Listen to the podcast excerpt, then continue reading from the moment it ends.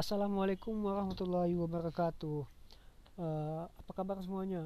Semoga kita baik-baik saja ya di dunia masa pandemi ini dan tetap terus semangat dalam memajukan bangsa yang kita cinta ini. Nah, perkenalkan nih, nama saya Muhammad Arifin Ali.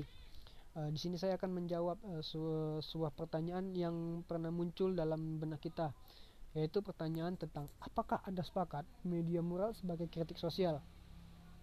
Nah, uh, menurut pendapat saya nih ya, menurut pendapat saya pribadi, ya saya sepakat. Mengapa? Karena dengan begitu orang-orang yang mempunyai aspirasi atau pendapatnya masing-masing soal politik bisa menyalurkan atau menuangkan semua ungkapannya melalui mural tersebut tanpa perlu mengkritik lewat medsos. Nah, seperti itu. Nah, dan juga perlu kita ketahui nih uh, penjelasan singkat nih ya menurut saya nih ya mengenai apa itu mural. Biar sama-sama kita tahu dulu nih. Mural sendiri itu ialah cara menggambar atau melukis di atas media dinding atau tembok atau uh, sering kita juga dengan permukaan luas yang bersifat permanen permanen gitu Nah, uh, dan juga uh, pas, apalagi uh, seperti yang kita ketahui nih, bahwa sistem penyampaian aspirasi formal di pemerintahan juga berjalan tidak baik nih karena banyaknya aspirasi dari rakyat.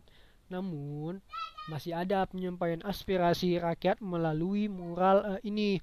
Yang mural ini berjalan tidak uh, efektif gitu. Dikarenakan nih mural tersebut digambarkan di bawah kolom jembatan sehingga uh, tidak bisa dilihat oleh halayak umum gitu dilihat, dilihat oleh orang-orang luar gitu. Jadi maka dari itu nih uh, mural-mural yang berisi tentang aspirasi rakyat tersebut yang bisa disebarluaskan dengan memfoto memfotokannya lalu disebarkan melalui platform-platform digital yang ada dengan begitu, aspirasi maupun kritik sosial dapat tersampaikan secara luas saat pendistribusian secara online.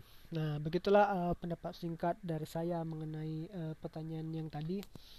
Uh, lebih kurangnya mohon maaf. Wabillahi taufiq walhidayah. Wassalamualaikum warahmatullahi wabarakatuh.